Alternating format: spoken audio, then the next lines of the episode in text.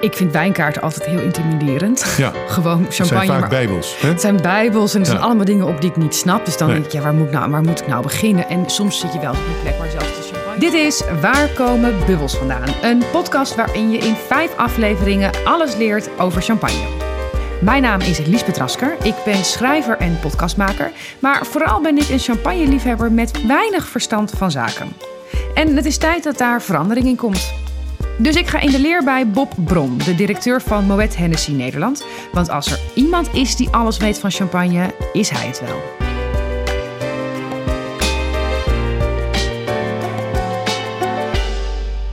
Bob, zitten we weer. Ja, Ehm, eh, er staat ook allemaal flessen hier op tafel. Daar gaan wij zo meteen eh, ons over buigen. Maar Ja. ik ben ook eigenlijk wel heel benieuwd. Want wat is jouw favoriete champagne?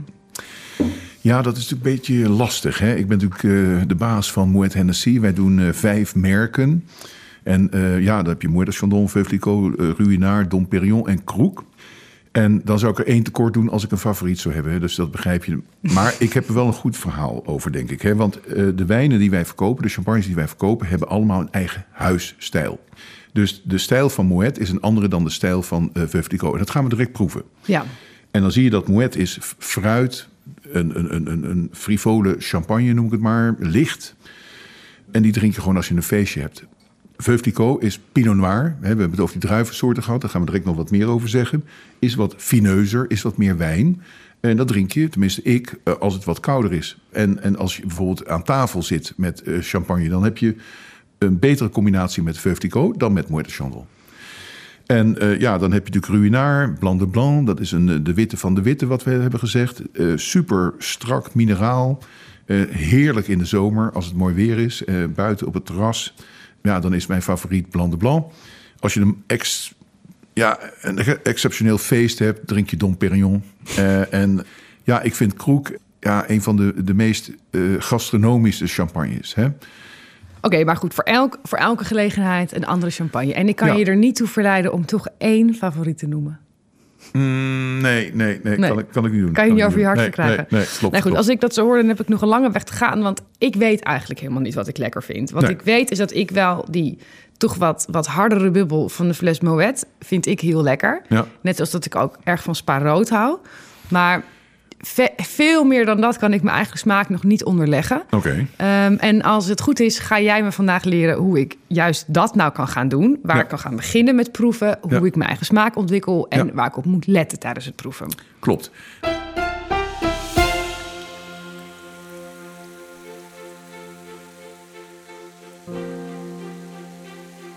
Want het begint natuurlijk mee dat je een bepaalde smaak hebt. Hè? Ja. Dus je hebt een bepaalde eh, eh, ervaring achter de rug. Hè? Je drinkt eh, witte wijn, rode wijn. Je eet bepaalde dingen, kruidig of niet kruidig. Je drinkt champagne eh bruut of eh, wat jonger of wat ouder.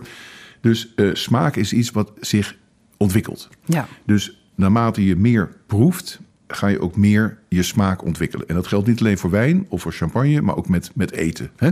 Eh, dus je begint nu op een bepaald, noem het maar, niveau, als ik het zo mag zeggen. Dat is niet goed of slecht, maar het is gewoon waar je vandaan komt.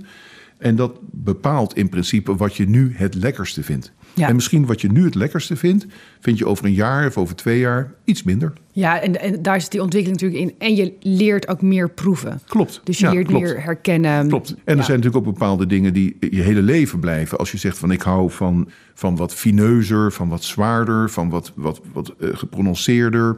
Ja, dan, eh, dan zal dat waarschijnlijk heel je leven blijven. En dan betekent dat waarschijnlijk dat je eerder bij kroek champagne terechtkomt dan bij Moet de Chandon. Begrijp je? Ja. Dus het is eh, ja, aan de ene kant statisch, aan de andere kant kan het zich ontwikkelen. ja, precies. Er is gewoon een soort voorkeur. Maar daarbinnen, die voorkeur, ontwikkel je jezelf. Klopt, Ja. klopt, klopt. Maar het gevoel, of het- de ervaring dat je bij de ene gelegenheid meer zin hebt in een, in een glas Veuve en in de andere meer in een glas Moet, daar ben ik nog helemaal niet. Nee. Kun je me om te beginnen vertellen, globaal gesproken, wat is nou het verschil in smaak tussen Veuve, Moet? Eh, als je naar deze twee champagnehuizen kijkt, dan zijn ze totaal eh, verschillend in hun, in hun stijl.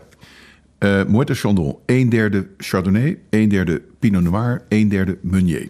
Als we naar Veuve Clicquot kijken, ongeveer 60% Pinot Noir. En de overige 40% is of Meunier of eh, Chardonnay. Nou, wat, eh, wat voor rol spelen nou die druiven? Als we praten over de Chardonnay, dan is het de witte druif. Eh, citrus, steenfruit en ja, een hele strakke minerale smaak. Ja. Praten we over de Pinot Noir, dan is de Pinot Noir geeft de structuur, de body, de ruggengraat aan de wijn, is meer het fineuze stuk van de, van de wijn. En met fineus bedoel je meer complex of ja, meer... complex, maar ook meer eh, de rondeur. En vaak herkenbaar aan wat meer rode eh, fruittonen. Oké. En dan heb je de Meunier. En de Meunier is appel, maar dan niet een Granny Smith, maar een, een, een, eh, een, laat ik zeggen, een, een, eh, een minder zure appel, als het zo mag zeggen, maar meer eh, ja, appel, peer, eh, persik, dat soort ronde smaken. En ook een beetje de zoetere kant op? Nee, niet zozeer zoeter, het is meer qua profiel. Dus als je naar Moet kijkt, een derde, een derde, een derde. En als we naar Veuve gaan, dan zie je dat met name die Pinot Noir daar een, een dominante rol in heeft.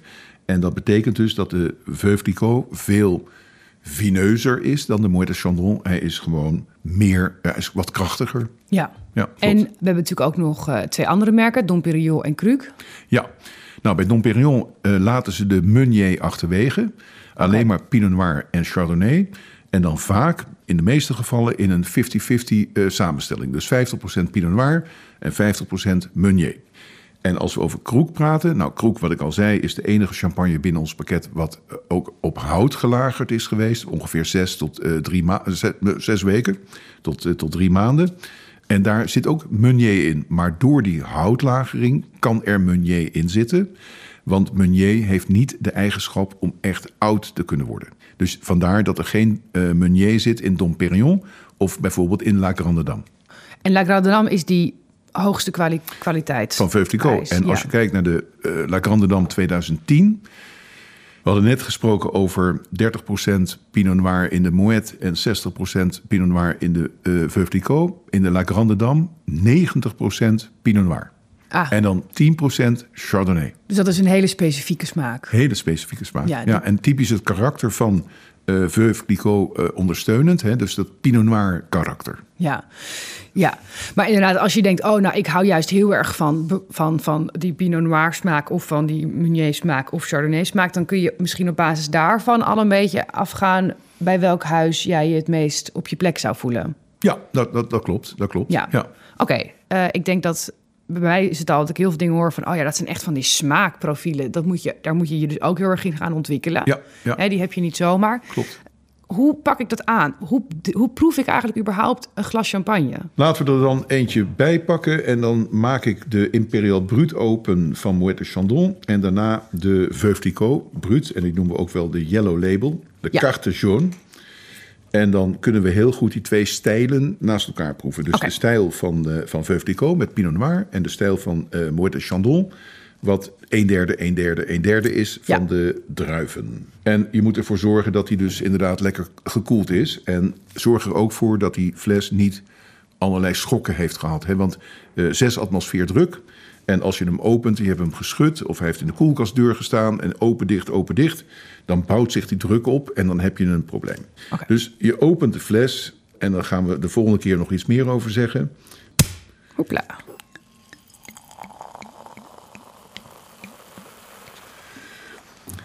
Dit klinkt altijd erg mooi.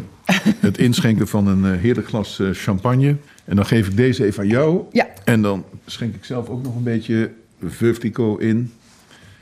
En dan hebben we gewoon twee wijnen naast elkaar. En dan is het misschien goed als je zelf even die twee wijnen naast elkaar proeft. En dat je dan kijkt naar die verschillen hè, van, van de frivoliteit van Moet... en de wat meer Pinot Noir, wat meer structuurachtige wijn van, van, van Veuve. Proeven van wijnen, of het nou witte wijn of rode wijn of champagne is... doe je eigenlijk altijd met, met je zintuigen. Hè?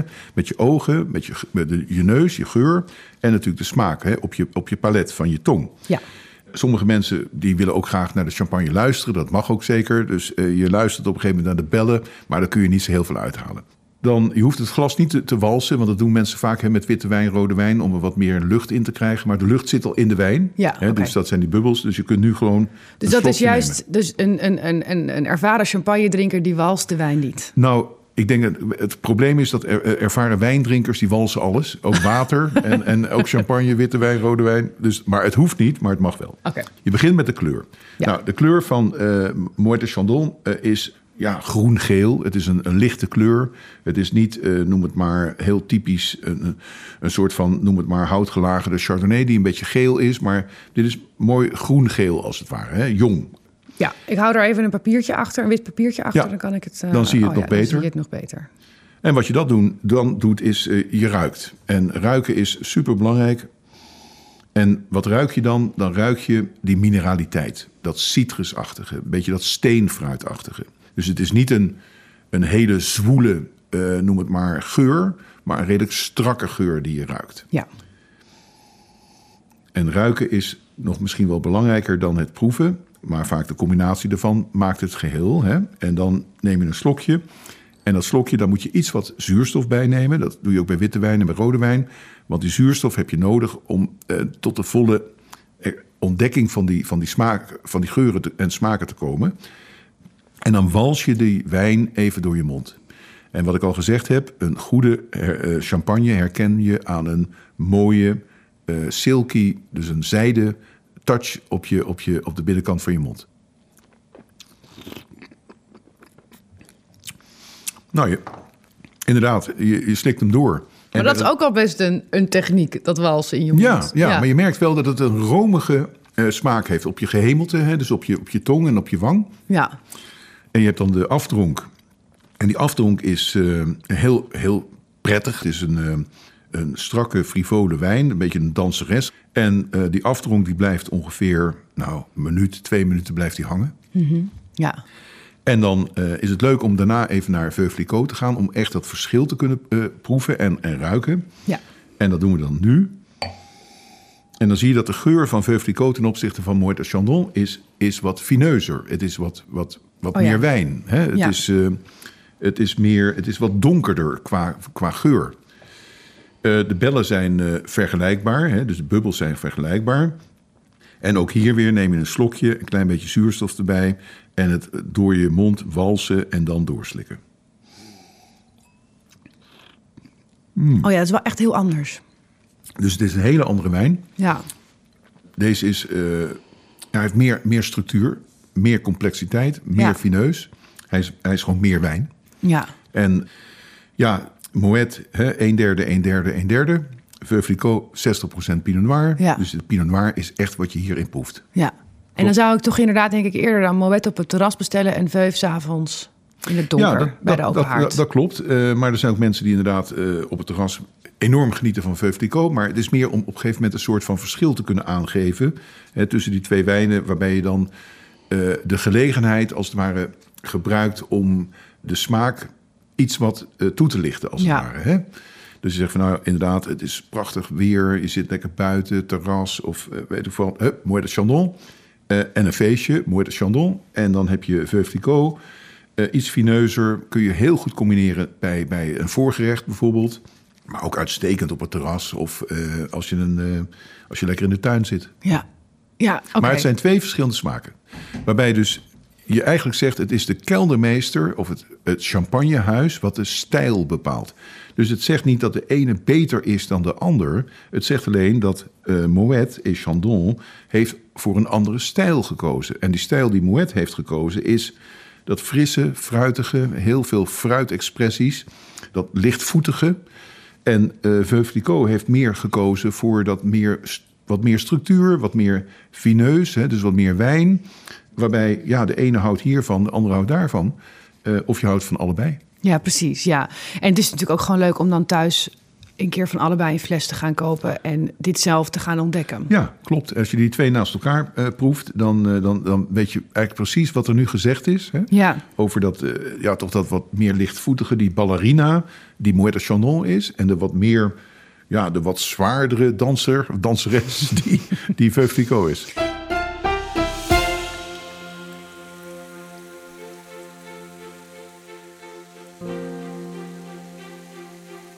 En als ik nou nog nooit in mijn leven een glas champagne heb gedronken, of, of heel af en toe, en ik wil eh, dus dat smaakpalet waar we het over hadden, Ja. dat gaan ontwikkelen, waar kan ik nou, waar kan ik beginnen? Nou, over het algemeen begin je dan met een wat zoetere champagne. Hè? We hebben net eh, ook, hè, als je naar Veuve Clicquot en naar Moët de Chandon kijkt... Hè, het is best wel hoog in de zuren. Het zijn prettige zuren. Het is strak in de smaak. Hè? Dus het is redelijk, noem het maar, straightforward hè, in de smaak. Ja. En er zijn eh, heel veel mensen die eh, ja, toch andere dingen drinken. eh, rum cola, amaretto, misschien wat zoetere wijnen in het begin. En je smaak evolueert zich, hè, ontwikkelt zich. En je gaat over het algemeen van zoet naar wat droger. Hè, wat minder zoet, als Ja, ieder, iedereen's eerste wijn was een zoete witte wijn. Dat klopt, dat klopt. En, en eh, ja, ook jonge mensen die op een gegeven moment... hè, vanaf 18 mag je drinken. Eh, heel veel mensen die 18 zijn hè, geworden en die drinken voor het eerst bier... die denken, hé, dat bittere, weet je wel, dat is niet lekker. Dus die, Ja. die drinken dan vaak een, een, een, een, mixje... Ja. eh, die over het algemeen wat zoeter is. Een, een whisky cola of een rum cola of een amaretto met ijs. Hè, weet je, dat zoetere, daar, daar begint men mee. En dan ontwikkelt je smaak zich en dan ga je zien dat we steeds meer naar die droge kant gaan. Nou, daar heeft Moet et Chandon heeft daar een, eh, een geweldige innovatie voor op de markt gebracht. En dat is Moet et Chandon Ice Imperial. En dat is de eerste champagne die specifiek gemaakt is om op ijsblokjes te drinken. Moet et Chandon en Veuve Clicquot, de kwaliteiten die we net gedronken hebben, zijn bruut kwaliteiten. Dus dat betekent in die dosage die toegevoegd is. Dat is het stukje liqueur wat helemaal aan het Juist. eind van het proces. Eh, die liqueur is bij Moet et Chandon en bij Veuve ongeveer 10, 9 à 10 gram per liter. En dan hebben we de Ice Imperial specifiek gemaakt om op ijs te worden gedronken. Dat is een demi-sec. eh, en dat betekent dat daar ongeveer tussen de 25 en 35 gram per liter aan dosage is toegevoegd. Oh, dat is een stuk meer. Hij is een stuk zoeter. En dat, dat, dat drinken we in die bekende witte Ja, glazen. dus de Ice Imperial, witte fles, witte kelken Ja. en een, eh, een, een witte eh, koeler. Ja. En het leuke daarvan is dat je dus het op ijs drinkt. Maar in die eh Ice Imperial kun je ook je eigen smaak nog toevoegen. Door bijvoorbeeld wat rood fruit of wat mint of wat gember. eh, dat soort eh, additieven aan, aan, aan, de, aan de Moet Ice toe te voegen. Ja. En je ziet inderdaad dat Moet Ice Imperial in Nederland, maar ook daarbuiten, echt een eclatant succes is. En dat het een hele goede opstap is, bij wijze van spreken, naar de champagne. Ja. Hè, de, de, de, de bruut champagnes. ja, hij staat hier ook op tafel. ja. Zullen we die, zal ik jou Ja, dus dan, eh, hebben we daar die speciale witte bekers voor. We hebben die witte fles en dan een witte koeler. En je voegt, eh, je maakt eerst de fles open, dat is belangrijk. En dat doe je eigenlijk op dezelfde manier als dat je een imperial eh, opent. En dan schenk je dat in het, de witte kelk. Even het geluidje, dat is altijd een mooi geluidje. Huppakee. Dan schenken we die in het glas. Dus je doet eerst de champagne en dan pas het ijs. Juist. En Oké. dan heb je die champagne ingeschonken. En dan voeg je daar drie ijsklontjes aan toe. En eventueel wat rood fruit of wat, eh, wat gember, eh, dat soort dingen. En dan zul je zien dat het eh, ten opzichte van de, de, zowel Veuve Clicquot als de eh, Imperial Brut van Moet... dat het een hele andere smaak is. Dat wals heb ik nog niet helemaal onder controle hoor. Oh ja, die is inderdaad veel zoeter. Veel zoeter, ja, Ja. klopt. En, eh, en als je dus wat rood fruit eraan toevoegt... dan krijg je een beetje die hint van die aardbei erbij. Ja. Eh, en dit is natuurlijk super drinken, hè, super van genieten... op een, een mooie eh, zonnige dag op Ik het terras. het- ja, het is echt de zomer in een glas. Ja, ja, klopt. Ja. En het was een, eh, een innovatie van eh, Benoît Goes, dus de keldermeester van Moët Chandon. Die, die was in Saint-Tropez en die zag dat heel veel mensen in hun champagne vanwege de temperatuur, dat het zo, zo warm was, begonnen daar ijsblokjes in te doen. En dat doen ze niet alleen in de champagne, maar ook in de rosé en de witte wijn. En toen dacht hij, ja, wat zonde hè, om op een gegeven moment ijsblokjes in je champagne te doen. Want ja, het verwatert en, en het is er niet op voor gemaakt. En toen heeft hij een aparte cuvée gemaakt voor Ice Imperial. Die dus specifiek ontwikkeld is om op ijs te drinken. En eventueel toegevoegd, wat ik al zei, met wat rood fruit. En het is relatief nieuw, toch, deze? Eh, ja, is ongeveer een jaar of tien geleden op de markt gekomen. Ja, Heel nieuw zou ik eigenlijk dan willen zeggen ja zelfs. zeker Ja. als je eh, kijkt naar eh, de innovaties. Hè, iedereen praat tegenwoordig over innovaties en nieuwe dingen. En de champagne is natuurlijk heel behoudend. Hè? En eh Moet Ice is eh, een van de eerste, of is eigenlijk een van, ja, een van de innovaties van de afgelopen 100 jaar. Ja. Uh, want er wordt niet zo heel veel geïnnoveerd uh, vanuit het uh, champagnegebied. Nee, juist niet, juist. Nee, nee, nee, nee ze willen dat behouden. Wij werden ook in het begin, moet ik u eerlijk zeggen, of moet ik je eerlijk zeggen, een beetje verguisd. Hè? Ja, maar je gaat toch geen ijs in je champagne doen? Ja. Maar gelukkig hebben de critici geen gelijk gehad. En hebben heel veel mensen dit als een perfect alternatief hè, voor, een, voor een cocktail of voor een rosé of whatever, ja, opgepakt. Ja, en zie je nou ook dat het in, in Nederland bijvoorbeeld veel meer gedronken wordt? We hadden al eerder gezegd dat, er, dat Nederland toch nog erg veel, uh, nog erg achterloopt op champagneconsumptie ten opzichte van Frankrijk. Ja. Nee, dat klopt. En Nederland is natuurlijk wel een eh, redelijk zoet land. Hè? Dus ja. we hebben een, eh, een sweet tooth, zo gezegd. Hè? Mm -hmm. uh, wij zijn een van de grootste demi-sec-markten uh, na Amerika van, uh, van de wereld. Ja. Dus er wordt heel veel demi-sec, dus zoetere champagnes gedronken. Bij Moet de Chandon is dat een nectar imperial. Dat is, niet een, ja, dat is hetzelfde als een demi-sec, maar we vonden demi-sec zo algemeen. Vandaar dat die nectar imperial heet. Mm -hmm. uh, en dat is een zoete kwaliteit. Ja. Alleen die nectar imperial is weer anders qua cuvée, dus qua samengestelde wijn dan bijvoorbeeld de Ice Imperial. Want anders kun je denken van ja, koop dan een fles nectar, is ook een demi-sec. Ja. Gooi er ijs in en, en, en drink het. Maar dat is een andere beleving, omdat het gewoon niet specifiek gemaakt is, die nectar, om op ijs te, te drinken. En ja. als we het hebben over, over de bubbel, Ja. waarom heeft de ene champagne zo'n andere bubbel dan de ander? Waarom is de een toch wat harder en de ander wat zachter? Ja, dat is een beetje beleving, denk ik. Hè? Want kijk, in principe, als je kijkt naar Moët de Chandon en Veuve qua kelderlagering is uh, Veuve ligt iets langer in de kelder. Maar niet zoveel langer dat je nou zegt... er is een enorm verschil in de, in de moes, in de bubbel. Hè? Want hoeveel maanden ligt een Yellow Label? Uh, ik zeg Moet ongeveer zeg 30, 36 maanden. En uh, Veuve Clicquot zal waarschijnlijk drie tot zes maanden langer in de kelder liggen dan, Oh ja. uh, dan uh, Moet Chandon. En dat heeft te maken met die, dat hoge percentage aan Pinot Noir. Ja, oké. Dan heb je gewoon wat meer tijd nodig om het, om het tot zijn ontwikkeling te laten komen. De, de, de manier waarop je het maakt, hè, dus de manier van, van het, de tweede gisting, is bij alle merken eigenlijk hetzelfde. Alleen het gaat om de tijd die er over wordt gedaan. Hè? Dus hoe langer die in de kelder ligt, hoe fijner die bubbel wordt. Dat is waar. Dus de bubbel van Dom Perignon is veel zachter, veel, veel ja, dunner Ja. dan uh, die van Moët de Chandon. Dat is waar. Ja. Ja, oké. Dus ik ben niet helemaal gek. Nee, nee, zeker niet. Zeker niet. Zeker niet. Nee. Gelukkig. Ehm, Oké, dus stel je begint inderdaad met een, uh, met een Moet Ice... of met een uh, Yellow Label of een uh, Moet.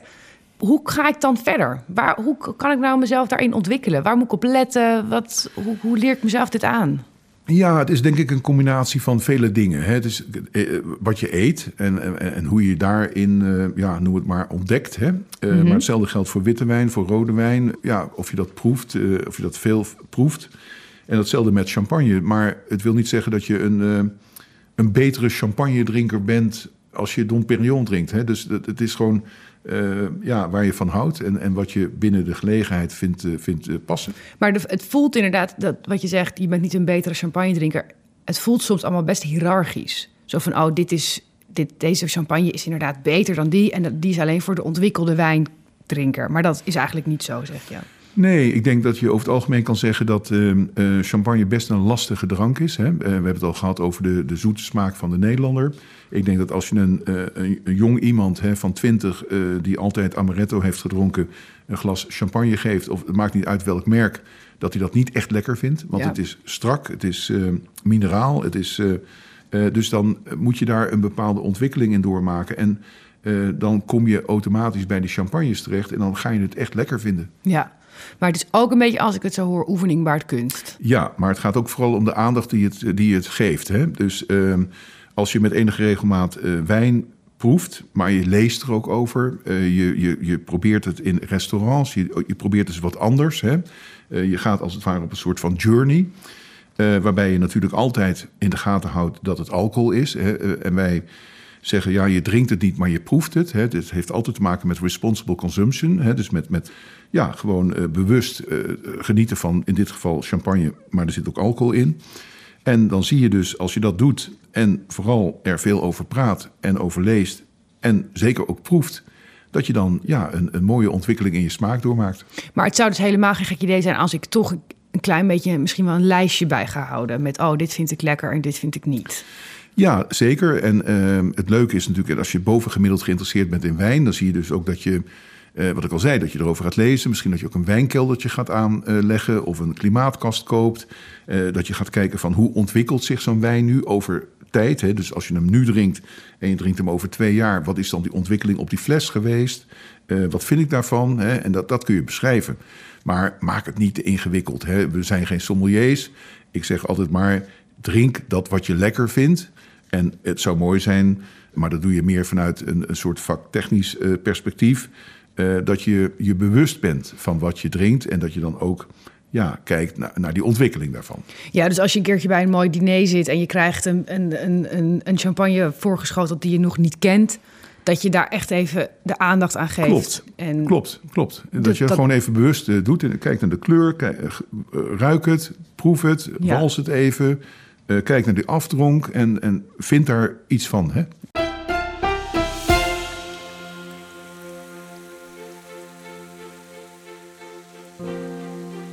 En als ik in een, uh, in een restaurant zit en uh, uh, er is een, een uitgebreide wijnkaart bijvoorbeeld, met ja. ook verschillende soorten champagnes, hoe kan ik me daar een beetje wegwijs in maken?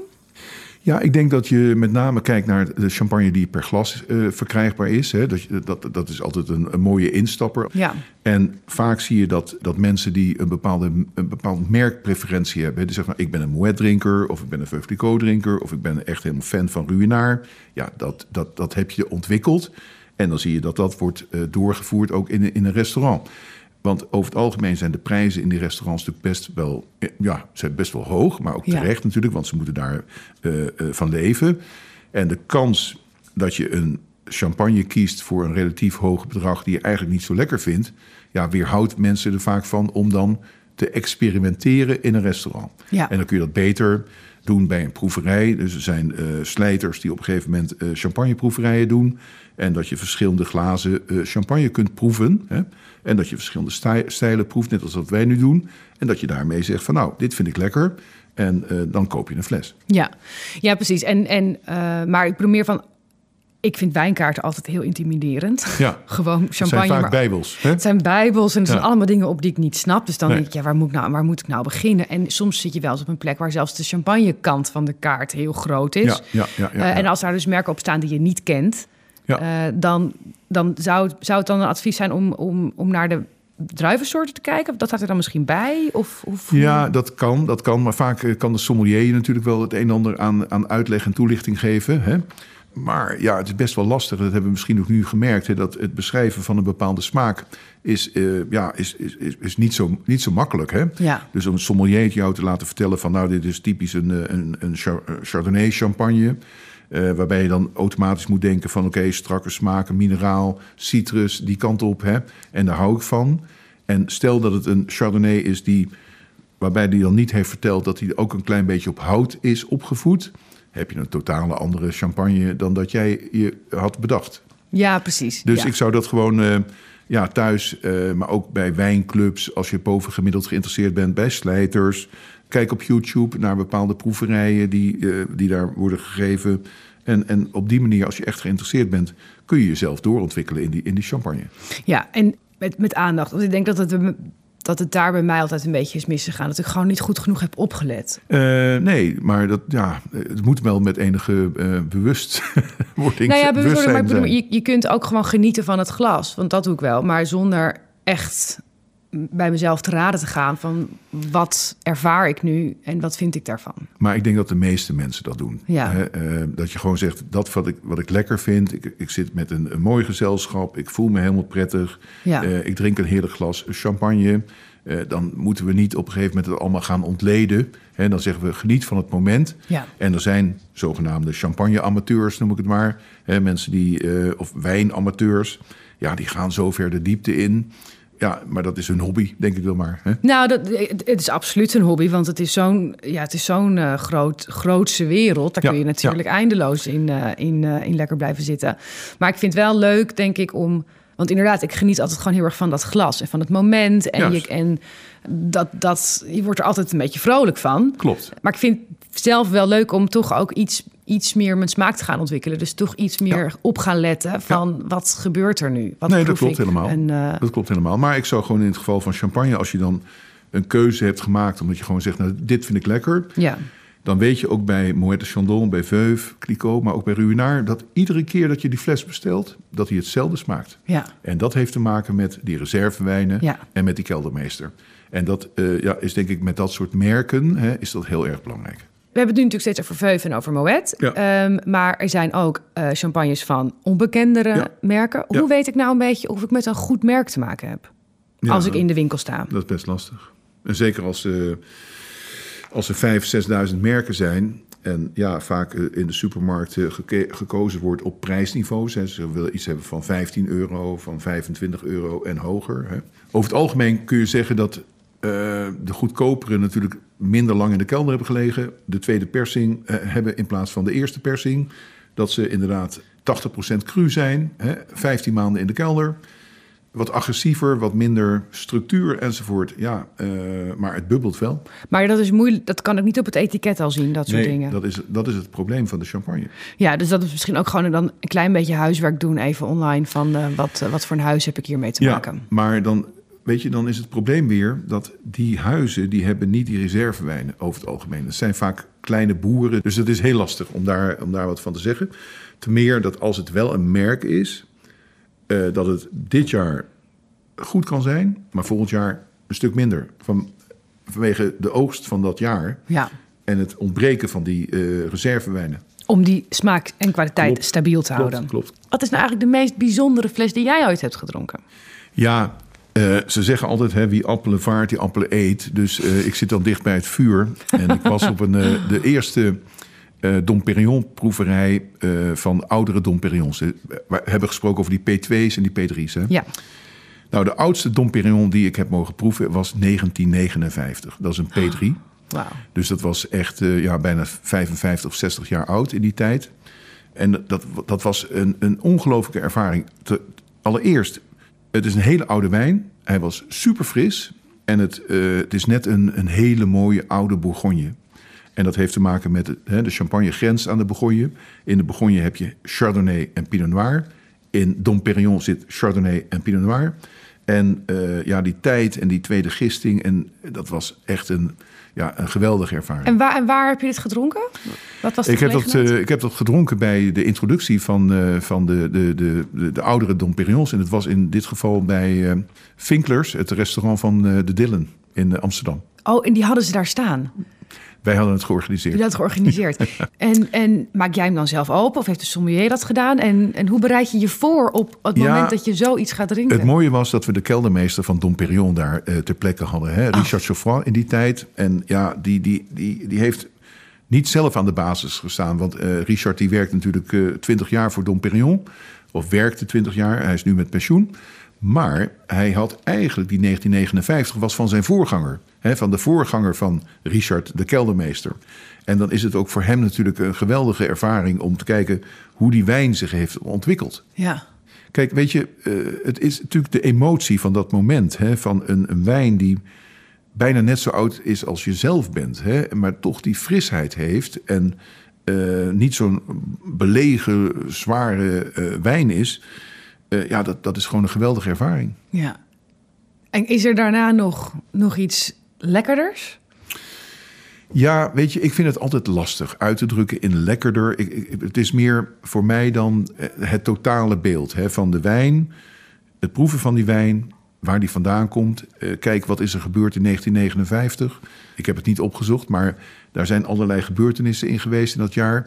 En daar komt die wijn vandaan. Ja. En, en dat is zo mooi om, dat, eh, om die parallel te trekken. Dus je drinkt eigenlijk ook die hele geschiedenis mee. Dat doe je als het ware wel, ja. Ja, ja, oké. ja. Wat gaan we de volgende keer doen? Gaan we dan weer proeven? Gaan we nog meer proeven? Wat gaat er gebeuren? Nou, de volgende keer gaan we het met name hebben over de, ja, de etiketten, zogezegd. Hè. Eh, en dat heeft te maken met het glas, eh, het openen van de fles en dat soort zaken. Oké. Zeg, ik wil eigenlijk eh, nog wel een glas. Of eh, hebben we nog wat? We- zeker, maar dat, eh, eh, ja, wat is jouw eh, keus?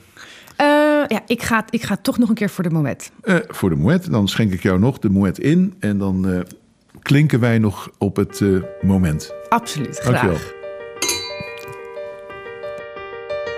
Dit was een podcast van Press for Champagne, het nieuwe platform van Moet Hennessy. Volgende week is er een nieuwe aflevering. Abonneer je nu om die niet te missen en laat een recensie achter in je favoriete podcast-app. Wil je meer weten? Ga dan naar www.pressforchampagne.nl, de plek waar je alles over champagne kunt vinden en de informatie van de podcast nog eens rustig terug kunt lezen. Drink verstandig, geen 18, geen alcohol.